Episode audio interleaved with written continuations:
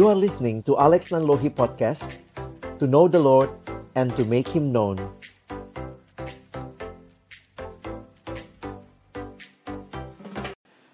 Mari kita berdoa sebelum kita membaca merenungkan firman Tuhan.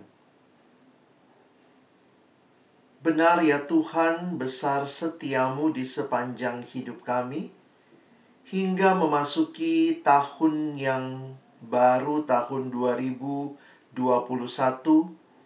Itulah yang kami semua alami dan rasakan ya Tuhan. Karena itu malam hari ini bersama-sama kami rindu ketika kami juga boleh memulai kembali persekutuan kami di dalam gerakan pemuda GPIB Kelapa Gading. Pada malam hari ini kami rindu ya Tuhan. Ketika kami telah memuji namamu, tiba waktunya bagi kami untuk membuka firman-Mu. Kami mohon ketika kami membuka firman-Mu, bukalah juga hati kami, jadikanlah hati kami seperti tanah yang baik, supaya ketika benih firman Tuhan ditaburkan, boleh sungguh-sungguh berakar, bertumbuh, dan juga berbuah nyata di dalam hidup kami. Berkati baik hambamu yang menyampaikan, setiap kami yang mendengar, Tuhan tolonglah kami semua, agar kami bukan hanya jadi pendengar-pendengar firman yang setia, tapi mampukan dengan kuasa, dengan pertolongan dari rohmu yang kudus, kami dimampukan menjadi pelaku-pelaku firman-Mu di dalam hidup kami, di dalam masa muda kami. Bersabdalah ya Tuhan, kami umat-Mu sedia mendengarnya di dalam satu nama yang kudus, nama yang berkuasa, nama Tuhan kami Yesus Kristus. Kami menyerahkan pemberitaan firman-Mu. Amin. Shalom, selamat malam teman-teman sekalian. Bersyukur buat kesempatan ini. Kak Alex boleh share screen ya untuk uh, kita malam hari ini. Ya, teman-teman, saya ingin mengajak kita mengawali untuk ya ibadah GP dan juga ini kayak masih berharap tahun baru kita ya. Fresh start in uh, 2021 ya tentunya ya belum terlambat lah ya dari 12 bulan kan baru masuk bulan kedua. Jadi ya happy new year buat kita semua. Dan tentunya kalau kita melihat juga apa yang terjadi dengan pandemi ini ya mungkin kalau kita ingat-ingat minggu depan ini masuk bulan Feb uh, Maret kita sudah satu tahun ada dalam suasana dan situasi yang seperti ini sehingga online ministry menjadi satu bagian yang biasa ya. Mulai terbiasakah atau mungkin ada yang juga merasa masih agak bosen? Ada yang mungkin masih belum bisa uh, menikmati? Tapi ya itulah realita yang terjadi. Kita masuk dalam new normal ada begitu banyak hal bahkan karena uh, apa ya perubahan itu sangat sangat tinggi ketidakpastian sangat tinggi juga jadi ada yang bahkan mengatakan sesudah vaksin pun tetap kita mungkin masih akan seperti ini di dalam beberapa waktu ke depan. Nah, malam hari ini saya ingin mengajak kita melihat bagian dari firman Tuhan sesuai dengan sabda Bina Pemuda juga ya. Tapi nanti Kak Alex akan angkat sisi yang berbeda. Kita akan melihat Filipi pasal 1 ayat 27 sampai dengan ayat yang ke-30 ya. Ini ayat yang kita akan lihat sama-sama Filipi pasal yang pertama ayat 27 sampai ayat yang ke-30. Kak Alex sudah tulis semua ayatnya ada di depan, ada di screenmu jadi silahkan nanti teman-teman bisa ikuti ya. Kita akan lihat Filipi pasal 1 ayat 27 sampai ayat yang ke-30. Hanya hendaklah hidupmu berpadanan dengan Injil Kristus, supaya apabila aku datang aku melihat, dan apabila aku tidak datang aku mendengar bahwa kamu teguh berdiri dalam satu roh dan sehati sejiwa berjuang untuk iman yang timbul dari berita Injil dengan tiada digentarkan sedikit pun oleh lawanmu. Bagi mereka semuanya itu adalah tanda kebinasaan Tetapi bagi kamu tanda keselamatan dan itu datangnya dari Allah. Sebab kepada kamu dikaruniakan bukan saja untuk percaya kepada Kristus, melainkan juga untuk menderita untuk Dia. Dalam pergumulan yang sama seperti yang dahulu kamu lihat padaku dan yang sekarang kamu dengar tentang aku. Nah, teman-teman yang dikasihi Tuhan dari ayat-ayat ini, mungkin kita kalau membacanya sekilas kitab Filipi, wah ini kitab yang uh, banyak sekali sebenarnya Paulus menggunakan kata sukacita. Memang dalam bagian ini tidak terlalu kelihatan, tapi kalau kalian baca di ayat-ayat yang lain, bayangkan dalam surat yang ada empat pasal ini, kata sukacita muncul, kata sukacita bersukacitalah itu muncul 16 kali. Wow. Kira-kira apa yang kita bayangkan ya? Nah, mungkin kita membayangkan wow Paulus dalam kehidupan yang nyaman, yang aman. Tetapi kalau kita tahu latar belakangnya, nanti teman-teman perhatikan ternyata Paulus lagi ada di dalam penjara. Jadi kalau orang pada mengeluh karena harus di rumah karantina lalu nggak bisa ngapa-ngapain, jangan lupa Rasul Paulus justru di dalam situasi yang sulit, dia terkurung di penjara tetapi dia tetap memberitakan firman. Nah, itu satu hal yang saya ingin kita mulai tahun ini sesuai tema kita fresh start. Waktu kita memulai tahun ini, saya rindu teman-teman menjadi pemuda-pemudi yang berjuang, ya. Jadi, lihat dari apa yang Paulus alami, refleksikan apa yang Paulus alami, dia tidak dalam situasi yang mudah. Mungkin itu juga yang kita alami ya. Tahun 2021 ini diperkirakan ya masih belum banyak perubahan dibanding tahun 2020. Sehingga ini masih bagian kita harus berjuang, ya. Nah, berjuang dalam hal apa saja? Nah, Kak Alex ingin membagikan empat hal yang saya refleksikan perjuangan pemuda-pemudi Kristen saat ini, khususnya juga bagi teman-teman dalam gerakan pemuda. Ternyata dalam situasi yang sulit ada hal-hal yang tetap harus kita perjuangkan, ya. Yang pertama, Perhatikan di ayat 27. Hanya hendaklah hidupmu. Jadi Paulus beritakan kepada jemaat Filipi, hanya hendaklah hidupmu berpadanan dengan Injil Kristus. Paulus memanggil orang-orang di Filipi untuk terus hidup benar. Hidup yang benar digambarkan hidup yang berpadanan dengan Injil Kristus. Jadi bukanlah hidup yang bertentangan dengan Injil, bukan hidup yang mempermalukan Tuhan, tetapi hidup yang mempermuliakan Tuhan. Inilah hidup benar yang harus jadi perjuangan jemaat di Filipi. Dan itu juga yang Kak Alex ingatkan buat kita sekalian, adik-adik dari Gerakan Pemuda GPIB Kelapa Gading, Tuhan panggil kita berjuang hidup di dalam kebenaran ya. Ini bagian yang penting untuk kita ingat. Krisis boleh terjadi. Kita tidak bisa kendalikan. Realitanya Tuhan izinkan itu terjadi. Tetapi di tengah-tengah krisis tidak ada alasan untuk hidup tidak benar. Ingat surat Filipi, Paulus tulis dari dalam penjara dalam suasana yang tidak mudah tapi mungkin kalau kalian perhatikan harusnya kan mungkin orang berpikir pemimpinnya saja kayak Paulus ada di penjara. Bisa aja dong orang pikir ya sudahlah mungkin Paulus tulis nasihat udahlah kamu hidupnya ikutin aja lah ngeflow aja lah gitu ya ya udah daripada kamu sok-sok uh, benar nanti masuk penjara juga loh kayak aku gitu ya tapi tidak justru dari tengah-tengah situasi Paulus yang sulit situasi jemaat Filipi yang juga mungkin mereka waktu itu minoritas, pilihannya hidup berpadanan dengan Injil Kristus. Terus hidup benar. Wah, ini bagi kita saya nggak tahu nih ya pilihan-pilihan tahun 2021 apa yang teman-teman alami nih.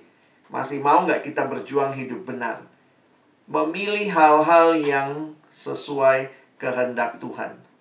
Teman-teman banyak memang dalam situasi ada di rumah, ada di situasi yang kayaknya online terus, wah mulai muncul tuh ya, ada yang malas, ada yang addicted sama pornografi, ada yang mungkin kecanduan nonton begitu ya, ada yang kecanduan. Jadi banyak hal yang mungkin terjadi nih. We, ya hari ini kita bicara fresh start, ya maunya apa nih? Kita mau hidup benar. Karena itu nasihat firman Tuhan. Faktanya memang kalau kita lihat dalam kitab suci sendiri, kita baca sejarah gereja, kita baca biografi para tokoh, tidak ada yang sempurna ya. Kadang-kadang menunjukkan bahwa umat Allah, namanya umat Allah, tapi tidak selalu hidup selayaknya umat Allah. Kadang-kadang namanya umat Allah, tapi kok kelakuan lebih mirip seperti umatnya setan. Kira-kira gitu ya. Kalau orang lihat kita, orang kira-kira akan bilang, wow, puji Tuhan ini, anak Tuhan. Atau waktu lihat hidupmu, hidup Kak Alex gitu ya. Apa yang mereka akan katakan? Kalau waktu dia lihat, lihat hidup kita, lalu dia bilang, dasar lu anak setan, berarti kan lebih kelihatan kemiripannya bukan dengan umat Allah, dengan Allahnya, tetapi dengan yang bukan Allah. Nah, karena itu bagaimana hidup benar? Ini generasi GPS katanya ya. Posisi katanya sangat penting, bisa didetek dari mana aja. Nah, ini juga yang sebenarnya kalau kalian perhatikan, Paulus sampaikan kalau kita menggali surat Filipi. Paulus dengan tegas menyatakan ada dua macam posisi. Satu di dalam dosa, satunya di dalam Kristus. Hidup benar itu, kalau kamu masih hidup dalam dosa, jangan heran hidupnya jadi hidup yang terus menikmati dosa tidak benar. Tetapi harusnya kita memilih ada di lokasi, ada di posisi hidup di dalam Kristus. Bayangkan, orang Kristen itu apa sebenarnya? Esensi menjadi orang Kristen adalah Yesusnya, Kristusnya. Jadi kita ada di dalam siapa nih? Ya, di dalam dosakah atau di dalam Kristus? Kalau dari penggunaan istilah di dalam Kristus atau bahasa Inggrisnya in Christ ya, itu dalam kitab Filipi ini muncul 15 kali kata in Christ di dalam Kristus. Jadi ini berbicara tentang karya keselamatan Tuhan yang kita terima di dalam Kristus. Jadi, kalau kalian lihat surat-suratnya Paulus, Paulus punya terminologinya salah satu yang favorit itu di dalam Kristus atau ada juga melalui Kristus atau di atas Kristus. Dia sering kali menggunakan istilah itu in Christ. Di dalam Kristus Indonesia menerjemahkan di dalam dia. Nanti baca deh surat-surat Paulus. Setiap kali kita ketemu di dalam dia. Di dalam Yesus. Di dalam Kristus. Nah ini semua membicarakan tentang apa? Itulah seharusnya hidup kita. Kita itu di dalam Kristus tadinya musuhnya Allah. Diperdamaikan dengan Allah. Di dalam siapa? Di dalam Kristus kita yang telah mati bagi diri kita sendiri. Kita sekarang di dalam Kristus bangkit bersama Dia. Jadi bukan lagi mati di dalam dosa, hidup menikmati dosa, kita bangkit bersama Dia. Di dalam Kristus juga kita tidak lagi hidup untuk kemuliaan diri, tetapi untuk kemuliaan Tuhan. Ayat-ayatnya kalian bisa lihat. Jadi luar biasa Paulus mau mengatakan the blessing yang kita terima, berkat yang kita terima itu semuanya di dalam Kristus. Dan karena itulah, ayo hidup benar. Hidup benar tidak lahir dari sekadar usaha kita. Tetapi hidup benar itu terjadi karena setiap kita yang sudah di dalam Kristus, kita sudah mengalami karya Tuhan yang sempurna. Kalau dalam kepercayaan kita, orang yang terima Yesus, orang yang di dalam Yesus itu sama dengan terima Roh Kudus. Ada gereja-gereja tertentu mengajarkan dua hal terpisah. Kamu terima Yesus dulu, baru habis terima Yesus terima Roh Kudus. kita dalam pemahaman iman kita tidak demikian. Terima Yesus sama dengan terima Roh Kudus. Itu Allah Tritunggal, nggak mungkin terima satu satunya masih di luar. Masa terima Yesus baru nanti oh Roh Kudus masuk masuk belakangan nggak bisa.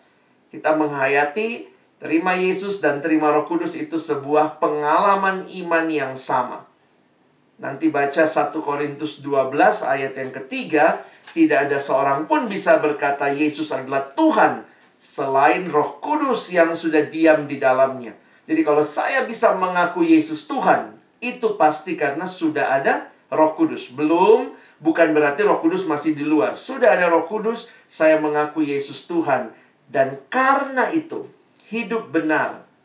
Hidup benar itu secara sadar kita perlu terus menyerahkan diri untuk dipimpin oleh Roh Kudus yang sudah diam dalam diri setiap kita yang percaya. Jadi siapa yang memampukan kita hidup benar? Ya kuasa Roh Kudus. Kuasa Roh Kudus akan memampukan kita untuk dapat menjalani hidup yang berpadanan dengan Injil. Jadi hidup benar menjadi perjuangan kita tetapi itu kita terima dan alami di dalam kuasa Roh Kudus yang bekerja di dalam diri kita, ya. Ini bagian pertama yang teman-teman dan saya harus perjuangkan sebagai pemuda-pemudi Kristen. Ini tahun yang baru, biarlah di tengah sulitnya hidup, sulitnya pergumulan pekerjaan yang lagi studi, sulitnya studimu, Pilih yang benar. Jangan karena sulit studi, ya nyontek aja lah, copy paste, asik ya. Hidup nggak benar. Kesannya karena sulit, nggak apa-apa lah. Bohong-bohong dikit. Nggak apa-apa lah. Tipu-tipu dikit. Nggak apa-apa lah. Korupsi-korupsi dikit. Jadi banyak orang karena situasi sulit memilih yang nggak benar. Ayo kita masuk tahun ini dengan perjuangan tetap hidup benar, sehingga kita bisa mengalami apa artinya hidup di dalam Kristus, bukan di dalam dosa. Yang kedua, perjuangan kita yang juga diharapkan oleh Paulus bagi jemaat hidup yang bersatu, ya. Teman-teman, memang kalau perhatikan di dalam konteks kitab Filipi ada perpecahan, ya. Jadi memang sedih juga orang Kristen satu persekutuan, satu gereja ya, janganlah pecah-pecah ya, janganlah kubu-kubuan.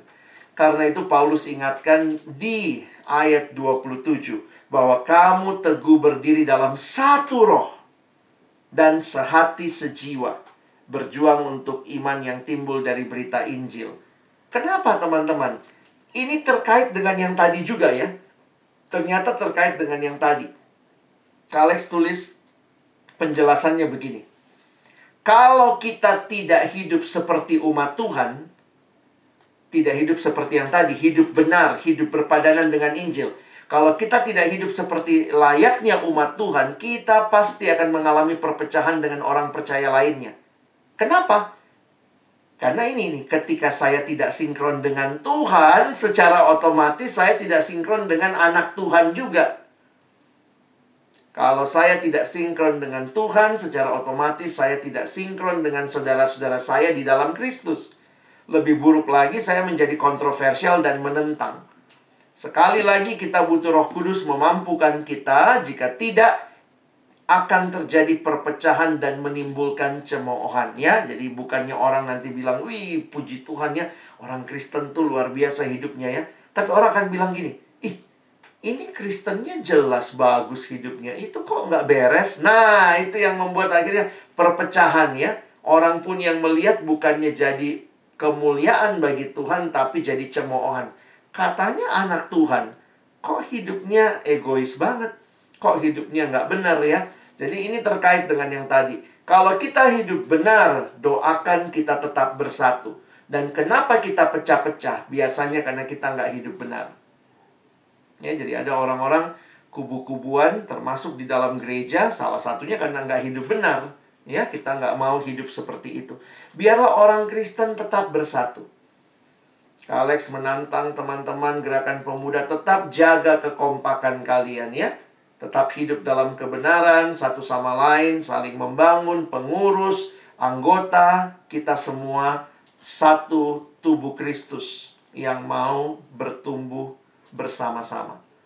Jadi memang ya hidup di tengah dunia yang tidak benar ini kita gampang ikut tidak benar kalau kita udah hidup tidak benar nah boro-boro mau dekat sama teman-teman persekutuan mau dekat sama teman-teman yang lain dinasehatin pun kita marah bentrok deh jadinya ya. Kadang-kadang lucu yang dimarahin malah lebih galak daripada yang marahin begitu ya.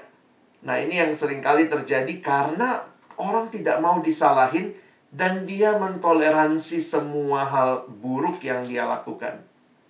Nah Hidup bagi Tuhan itu tadi ya. Pertama, hidup benar itu perjuangan kita. Yang kedua, hidup bersatu. Dan yang ketiga, kita perlu melihat hidup yang berkorban. Maksudnya apa? Kalimat ini sangat luar biasa saya menghayati ayat 29 ya. Dengar kalimat Paulus. Sebab kepada kamu, kata Paulus, dikaruniakan bukan saja untuk percaya kepada Kristus, melainkan juga untuk menderita untuk Dia. Wow. Paulus mau mengatakan mau ikut Tuhan? Ini situasi sulit loh. Aku aja dalam penjara. Mau ikut Tuhan? Oke. Berarti penderitaan. Dan ayat 30 Paulus sharing dalam pergumulan yang sama seperti yang dahulu kamu lihat padaku kata Paulus dan yang sekarang kamu dengar tentang aku. Dulu kamu lihat kan Aku itu ikut Tuhan menderita. Sekarang kamu dengar kan aku dalam penjara ini. Jadi teman-teman, hidup bagi Tuhan, hidup benar itu juga butuh pengorbanan ya. Yesus mengatakan sangkal diri pikul salib. Nah, ini yang Kalex juga ingatkan ya, mari kita punya hidup yang rela berkorban untuk kebenaran rela berkorban untuk pertumbuhan rohani kita. Rela berkorban untuk hidup benar, hidup jujur. Kadang-kadang orang tidak mau berkorban. Memang pengennya sih ikut Tuhan. Bisa nggak ya kak ikut Tuhan empang, enak dan gampang. Ada anak remaja pernah datang ke Kak Alex lalu dia tanya, Kak, saya tuh pengen tahu kehendak Tuhan kak Tuhan mau apa sih buat hidupku? Saya bingung nih kak, saya mau nanti pilih kuliah apa gitu. Saya bingung nih, saya nanti Tuhan mau apa buat saya? Jadi terus aja dia ngomongnya rohani banget. Tuhan mau apa? Tuhan mau apa? Terus kemudian ke Alex tanya, Dek, boleh tanya nggak? Kamu rajin baca firman Tuhan nggak? Rajin baca Alkitab nggak? Terus dia ngomong, itulah kak masalahnya. Aku tuh sibuk banget bimbingan. Jadi nggak sempet baca Alkitab. Lalu saya bilang sama dia ya, memang ya kita itu manusia mau tahu kehendak Tuhan tapi tidak mau baca firman Tuhan. Itu kan lucu ya. Ada yang sampai bilang, aduh Alkitabnya tebel banget kak. Bisa nggak sih direbus aja minum airnya? Jadi pengen tahu kehendak Tuhan tapi nggak mau kasih waktu baca. Pengen bertumbuh dalam Tuhan tapi nggak mau beri waktu tiap pagi duduk diam baca firman Tuhan. Jadi lucu juga ya. Nggak ada pengorbanan.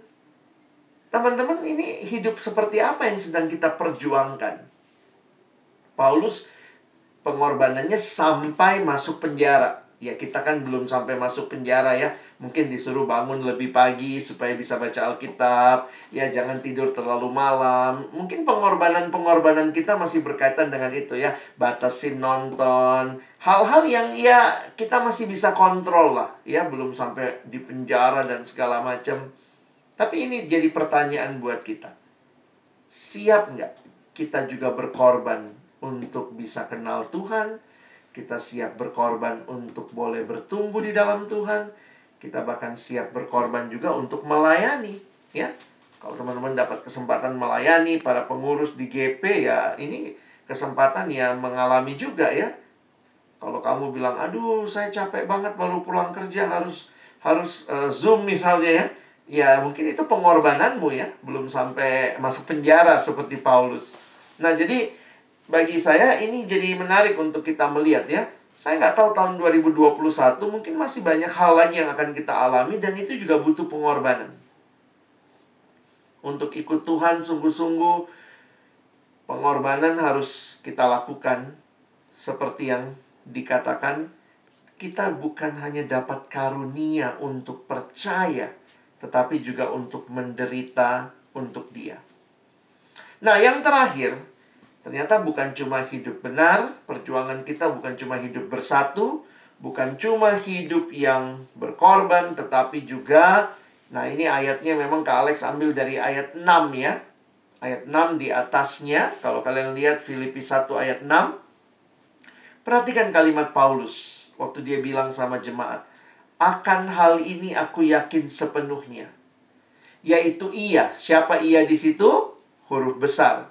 Tuhan ia yang memulai pekerjaan yang baik di antara kamu. Nah, ini harapan dia. Keyakinannya Paulus akan meneruskannya sampai pada sampai pada akhirnya pada hari Kristus Yesus. Paulus tidak hanya melihat hidup sekarang. Aduh, susah banget. Aduh, di penjara. Aduh, krisis. Aduh, corona. Paulus punya pandangan jauh ke depan bahwa hidup tidak berakhir sekarang. Dia punya yang namanya pengha pengharapan. Orang yang punya pengharapan sebenarnya itu orang yang luar biasa. Karena begini teman-teman ya. Hidup yang paling menyedihkan katanya bukan hidup menderita. Oh gitu ya. Hidup yang paling menyedihkan bukan hidup yang menderita. Tetapi hidup yang paling menyedihkan adalah hidup yang tidak punya pengharapan. Kenapa? Karena ada orang, de, karena dia punya pengharapan, dia rela menderita. Nah, itu kan kayak Paulus ya.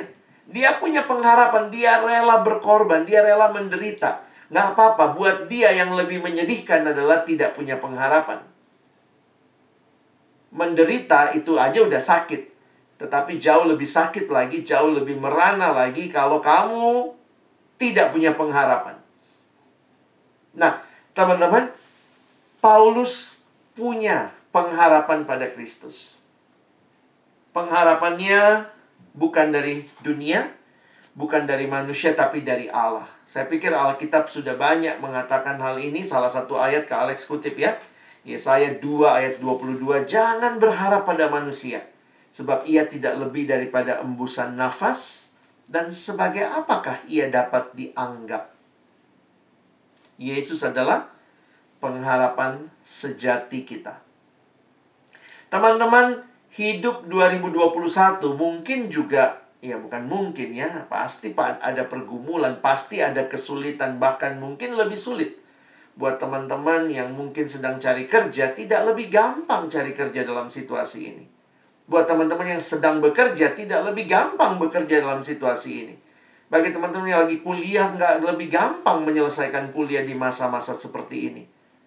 Tetapi kalau kamu bisa melihat kepada pengharapan dan pengharapan itu ada dalam Tuhan dan Tuhan menjanjikan kelegaan, ini bukan sekadar basa-basi Kristen ya. Tapi inilah yang menjadi kekuatan kita untuk melangkah bahwa Tuhan tidak meninggalkan kita. Kadang-kadang sikap yang muncul dalam situasi sulit adalah mengandalkan diri. Makanya ada satu buku yang Kak Alex pernah baca, dia bilang begini. Kalau kita mengandalkan diri atau begini, kalau kita melihat kepada diri kita, maka ada dua kemungkinan. Kalau saya bisa, saya jadi optimis. Wih, gue bisa. Tapi kalau saya nggak bisa, saya jadi pesimis. Itulah kalau saya lihat kepada diri saya. Dan dia bilang itu bukan sikap Kristen karena baik optimis maupun pesimis dua-duanya lihat kepada diri. Lalu sikap Kristen itu gimana ya? Nah, ini kalimatnya. Sikap Kristen bukan optimis, mengandalkan diri saya bisa, Bukan juga pesimis, nyadarin diri, aduh gua nggak bisa. Tetapi realistis. Yang berpengharapan. Wah, itu gimana? Coba lihat, ini corona. Susah nggak cari kerja? Susah, kita realistis. Tapi saya punya pengharapan Meskipun susah, tapi Tuhanku sanggup menolong aku. Dia sanggup menolong. Kalau saya dapat kerja, puji Tuhan. Kalau saya belum dapat kerja, saya tidak malu, saya tidak malas-malasan, saya tidak menyerah, saya terus. Itu namanya berpengharapan, realistis. Jadi bukan bukan orang yang tutup mata. Tidak ada, tidak ada corona, tidak ada corona. Tidak ada penderitaan, tidak ada penderitaan. Saya pikir itu membohongi diri. Sikap Kristen adalah realistis. Sulit, sulit. Sedih, sedih.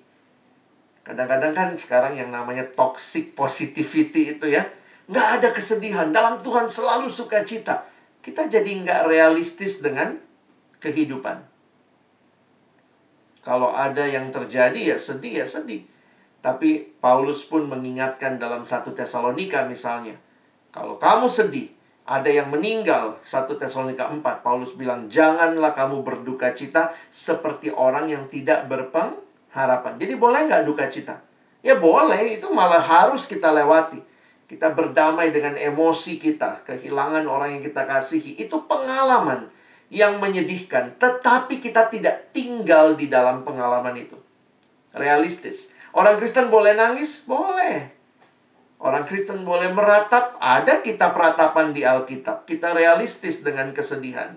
Kita bukan tutupin. Apa kabar? Luar biasa. Tidak ada kesedihan. Luar biasa. Amin. Yes, yes, yes. Itu membohongi diri.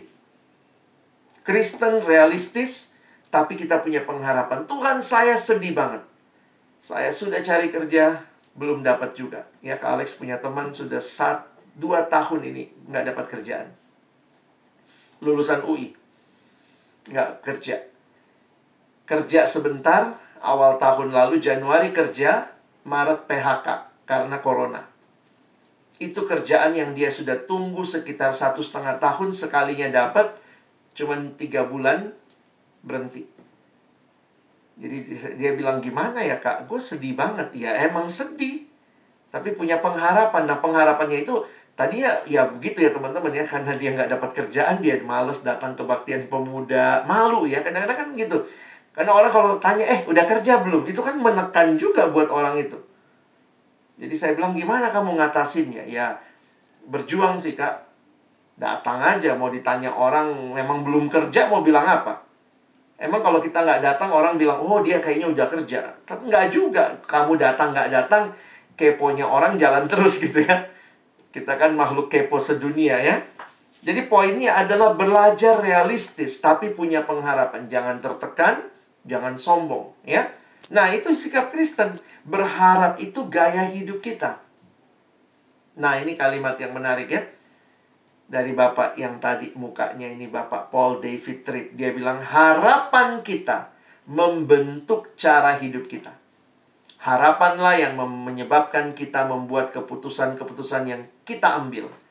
Kurangnya harapan membuat kita merasa mandek dan tanpa motivasi. Karena itu ya kita mari berpengharapan ya. Pengharapan itu yang akan memberikan kepada kita berbagai hal yang kita mempengaruhi keputusan keputusan kita ya. Kalau orang nggak punya pengharapan apa-apa dikit, ya udahlah mati aja aku gitu. Itu nggak punya pengharapan mentok dikit ya udahlah gue mati aja. Kalau orang punya pengharapan ketika mentok, Tuhan mentok nih, jujur, realistis. Ini mentok namanya. Tapi engkau sanggup buka jalan ya. Kita nyanyi dia buka jalan saat tiada jalan. God will make a way where there seems to be no way. Tuhan saya berharap. Meskipun saya sedang tidak lihat ada jalan yang terbuka. Tapi saya tetap percaya. Berharap kepadamu. Nah, teman-teman, untuk berharap juga butuh berjuang ya. Nah, jadi hari ini Kak Alex ingatkan buat kita. Perjuangan kita di new year ya. Fresh start, new year ini. Berjuang terus untuk hidup benar. Berjuang untuk hidup bersatu. Jaga persekutuan kita. Rangkul teman-teman yang belum datang. Kita bangun kehidupan yang sama-sama bersatu Mari kita belajar berkorban untuk hidup bagi Tuhan, hidup benar, hidup jujur, hidup dalam Yesus. Seringkali kita harus sangkal diri pikul salib. Tapi ingat bahwa itu semua bukan akhir segalanya. Kita punya pengharapan. Bahkan corona ini tidak menghentikan kita berpengharapannya sehingga kita tetap bisa maju tahun 2021. Bagaimana bisa punya hidup seperti itu? Bahasanya Alkitab terus bertumbuh ya. Ayo terus bertumbuh. Bangun hidup yang berakar dalam firman Tuhan. Dari sekolah minggu kita udah belajar. Bagaimana bertumbuh adik-adik? Baca kitab suci. Doa tiap hari kalau mau tumbuh. Sekarang coba lihat hidupmu. Kamu bertumbuh nggak? Dari lagu itu aja. Lagu itu bilang baca kitab suci. Aduh kak, saya nggak baca. Doa, ya kak, saya nggak doa. Ya gimana? Jangan cuma jadi kenangan lagu itu ya. Itu lagu yang harus kita bawa dan kita lakukan. Baca kitab suci, doa, dan memang tiap hari ya. Kadang-kadang ada yang bilang, saya udah baca kitab suci kak. Saya udah doa kak. Masalah gue di tiap harinya kak. Oh, dia baca setahun sekali baca kitab suci, doa tiap hari kalau mau tumbuh. Itu yang firman Tuhan ingatkan. Gimana saya bisa berjuang dalam hal-hal tadi? Hidup benar, hidup bersatu, hidup berkorban, hidup berpengharapan. Baca kitab suci. Ini sumbernya ya. Ini kalimat yang menarik dari Bapak D.L. Moody. Dia bilang begini. The Bible will keep you from sin. Or, dia balik. Sin will keep you from the Bible. Orang makin jauh dari Alkitab, makin rajin pasti dia bikin dosa. Dan harusnya kalau dia makin rajin baca Alkitab, dia makin jauh dari dosa. Ya makin tahu Tuhan mau apa. Dan bukan cuma itu ya, ini kan hal-hal yang pribadi. Teman-teman ingat, kita punya komunitas, bertumbuhlah dalam komunitas. Kita punya gerakan pemuda, ini wadah yang Tuhan berikan. Bertumbuhlah, ada saudara seiman, yang membangun hidupmu supaya akhirnya kamu bisa hidup beda dengan dunia. Kalau kamu seorang mahasiswa, pelajar, kamu bisa studi dengan berbeda. Dare to be different. Yang lain nyontek-nyontek-nyontek, pilihannya kok makin krisis, makin empang, pilihan enak dan gampang. Saya enggak. Saya anak Tuhan, saya harus bisa memilih apa yang Tuhan mau. Hidup benar.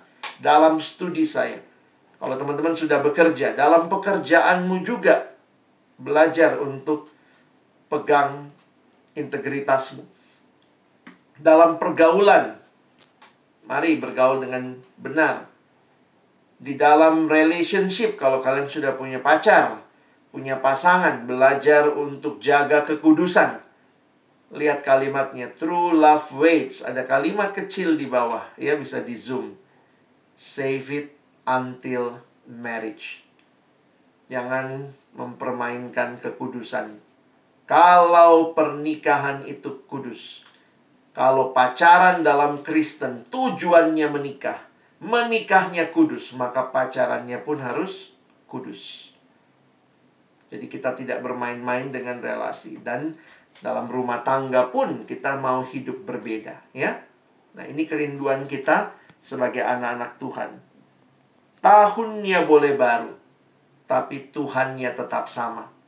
Dia Tuhan yang mau kamu hidup benar, dia Tuhan yang mau kamu hidup berjuang, bersatu. Dia Tuhan yang mau kamu hidup juga di dalam kehidupan yang berpengharapan, kehidupan yang juga kita sudah hayati tadi dalam sharing hari ini hidup yang berkorban, dan hidup yang berpengharapan. Nah, kiranya Tuhan menolong teman-teman untuk menjalani tahun 2021 dengan pimpinan dari Tuhan sendiri. Ya, senang teman-teman boleh sharing dan uh, walaupun kita realistis banget ya. Aduh, mager, banyak makan di rumah gitu ya. Nggak tahu berapa kilo udah nambah gitu. Ada yang bahkan bisa bangun lebih pagi. Uh, ya apa pun ya kita realistis dengan realita yang kita alami tapi juga menarik waktu bicara pengharapan. Teman-teman juga melihat ya ada pengharapan dalam Tuhan ada kepastian ada masa depan gitu ya dan kiranya sharing malam ini membuat kita juga selalu melihat uh, bukan kepada masalahnya, tapi melihat kepada Tuhan yang hadir di tengah masalah kita. Dan sering kali yang terjadi Tuhan tidak menyelesaikan pergumulannya langsung. Tapi sebenarnya Tuhan sedang membangun kita untuk bisa lebih serupa dengan Yesus. Kalau Kalek suka lihat gitu ya, uh, Tuhan apa sih yang lagi dibuat melalui corona ini gitu ya. Walaupun banyak realita, ada yang meninggal, ada yang mengalami pergumulan, tapi ya Tuhan menolong kita melihat dia bahwa ya harapan tuh cuma dari Tuhan di saat semua sulit seperti ini ya kita nggak bisa punya pengharapan lain mungkin nasihat terakhir yang saya ingat ada satu kalimat yang mengatakan begini apa yang kau lihat di dalam terang jangan pernah ragukan di dalam gelap Alex ulangi ya apa yang kau pernah lihat di dalam terang jangan ragukan di dalam gelap. Seperti misalnya kamu di kamar ya, kamu waktu lampu nyala kan udah tahu nih ya, semua letak barang di dalam kamarmu. Maka ketika lampu mati tiba-tiba gitu ya, kalau teman-teman benar-benar udah kenal letak kamarmu, meskipun gelap banget ya, kamu bisa melangkah. Mungkin kamu akan melangkah lebih hati-hati, tapi kamu tahu misalnya, wah di situ ada kursi, di situ ada jendela, pintu di bagian sana. Nah, maksudnya begini, sering kali dalam masa krisis itu gelap buat kita. Tapi jangan pernah ragukan apa yang kamu yakin dalam terang. Kamu sudah pernah yakin Tuhan Yesus juru selamatmu, Tuhan Yesus yang pegang hidupmu, Tuhan Yesus hadir dalam pergumulanmu, Tuhan Yesus menopang kamu waktu semuanya gelap. Biarlah kamu tidak meragukan setiap hal-hal yang pernah kamu yakini di dalam terang tentang siapa Tuhan buat hidupmu. Ya.